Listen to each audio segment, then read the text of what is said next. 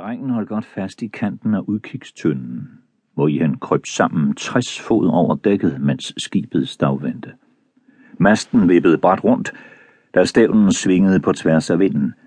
Skibet var en karavel, Lady Edwina, opkaldt efter drengens mor, som han kun vagt kunne huske. I mørket lige før daggry hørte han langt nede de store bronzekanoner slå mod kanonslæderne og blive fastholdt af deres takkel. Nu kom der en ny klang i den stadige banken i skrovet, fordi skibet svingede rundt vestpå. Med sydøstenvinden agterinden var det som forvandlet.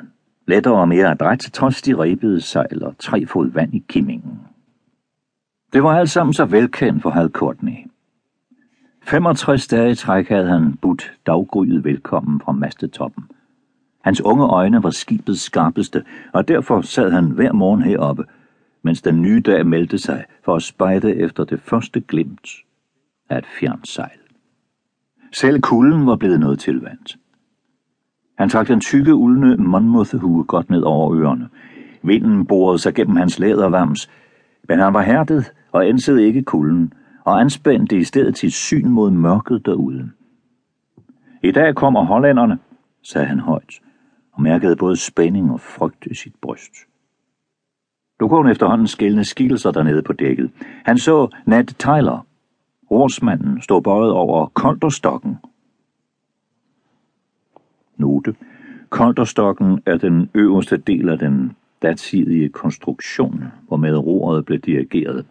Det er en lodret stang, der kan vippes fra side til side, hvorefter bevægelsen gennem forskellige led forplanter sig ned gennem skroget til roret. Noten slut. Han så net Tyler, rorsmanden, stå bøjet over kolderstokken og holde skibet på kurs, mens hans far bøjede sig over kompashuset for at kontrollere den nye kurs. Skæret fra lanternen oplyste hans magre mørke ansigtstræk og lange hårlokker, der flagrede i blæsten. Med et stik af skyldbevidsthed rettede Halle der blikket ud i mørket.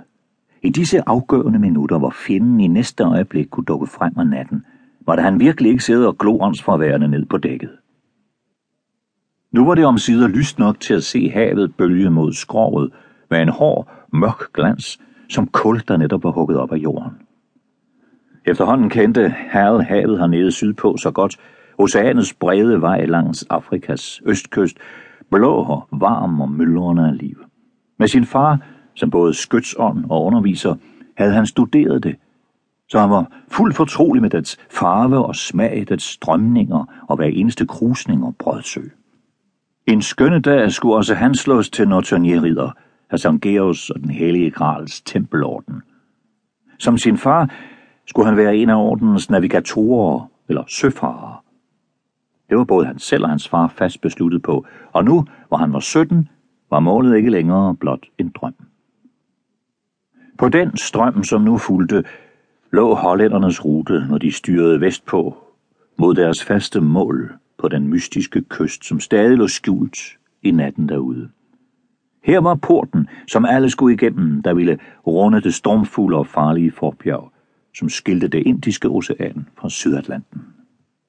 Derfor havde Sir Francis Courtney, Hals far, navigatøren, valgt netop denne position på 34 grader og 25 minutter sydlig bredde som stedet, hvor han agtede at afvente hollænderne og nu havde de allerede sejlet frem og tilbage på samme sted i 65 kedsommelige døgn. Men i dag kom det måske, og Hal stirrede ud i den gryende dag med skilte læber og intense grønne øjne. En kabellængde fra styrbordsborg så han vinger slå så højt op under himlen, at de indfangede solens første stråler. En flok suler med snehvide bryster og gule og sorte hoveder, der styrede ud til søs. Han så den forreste fugl dykke og svinge rundt, og dermed bryde formationen, mens den bøjede hovedet nedad mod det sorte vand. Og han så også bevægelsen under vandoverfladen, sølvskæret, og den kogende syden, mens stimen dernede trængte sig opad mod lyset. Han så fuglen klappe vingerne ind mod kroppen og styrt dykke nedad, og samtidig dykkede de andre fugle også og ramte havoverfladen, der forsvandt under en bred skumknibling. Meget hurtigt blev vandet piskede vi til de dykkende fugle og de kæmpende sølvblanke ansjoser, som fuglene proppede sig med. Her flyttede blikket